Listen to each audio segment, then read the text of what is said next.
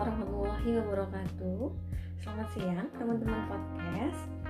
Kali ini eh, saya Pramudia akan mengajak teman-teman berdiskusi mengenai uh, kelanjutan dari talk about corona.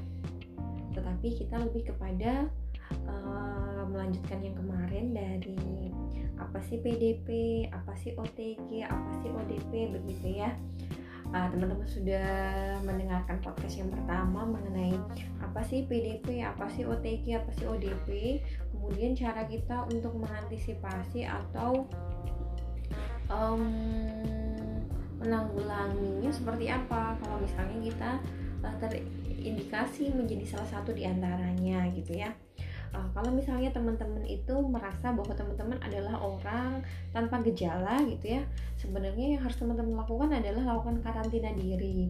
Dengan cara gimana?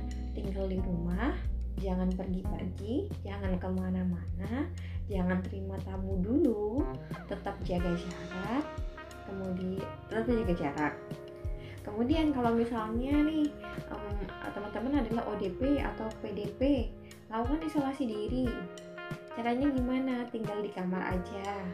Jangan kontak dengan orang lain. Gunakan kamar mandi terpisah atau gunakan kamar mandi setelah anggota keluarga la keluarga lain selesai pakai. Kemudian pakai alat makan yang dipisah. Jika misalnya teman-teman merasa bahwa kondisinya semakin parah, hubungi kader atau relawan COVID di desa habis itu teman-teman kalau misalnya nih yang paling sering kita dengar adalah kasus-kasus beberapa penolakan jenazah yang memang uh, positif corona. Sebenarnya kalau kita melihat gitu ya uh, salah satu kasus kemarin yang tanggal 11 April tahun 2020 itu mengenai penolakan salah satu perawat gitu ya dari rumah sakit Karyadi yang meninggal di salah satu wilayah di Ungaran. Uh, ternyata kasus penolakan ini yang akhirnya beberapa oknum dinyatakan sebagai tersangka. Uh, sebenarnya uh, kalau kita lihat gitu ya uh, untuk untuk proses pemakaman uh, jenazah yang memang terindikasi positif itu sudah melalui prosedur khusus yang sebenarnya teman-teman tidak perlu khawatir. Karena apa? Karena jenazah sudah dibungkus dengan kantong jenazah yang rapat, kemudian dimasukkan ke dalam peti yang tertutup. Sehingga uh, sebenarnya virus ketika inangnya sudah tidak ada maka sebenarnya dia juga sudah tidak ada. Jadi uh, aman. Kemudian kalau misalnya sekarang nih kan memang tengah marak kasus uh, corona. Sehingga ketika misalnya ada tetangga, saudara, kemudian misalnya nih karena memang sudah ajalnya kemudian meninggal uh, teman-teman sebaiknya gitu ya ketika teman-teman melayat uh, pastikan kondisi teman-teman dalam kondisi sehat. Kemudian ketika teman-teman terpaksa harus melayat maka teman-teman harus tetap physical distancing ya gitu. Hindari kontak fisik dengan jenazah ataupun keluarga. Uh, tidak perlu terlalu lama di sana jadi secukupnya saja mengucapkan bela sungkawa kemudian pamit. Kemudian jangan lupa tetap bawa hand sanitizer atau teman-teman harus cuci bersih tangan kaki dan semua pakaian yang teman-teman gunakan ketika teman-teman melayat. Oke.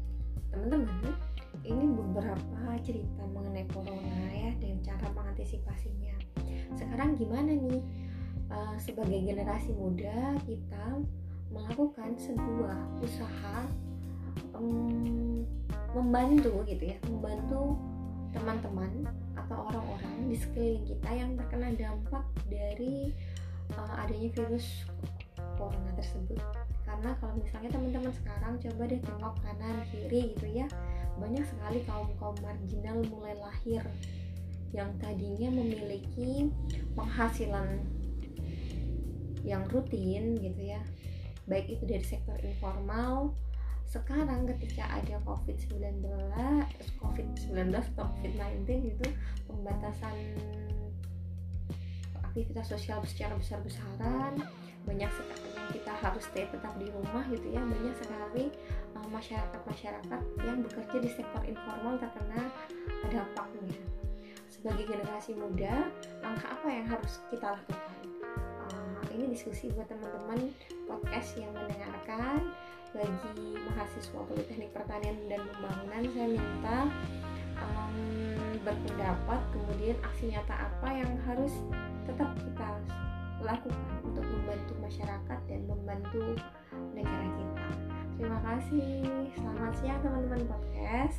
Uh, selamat melanjutkan aktivitas. Assalamualaikum warahmatullahi wabarakatuh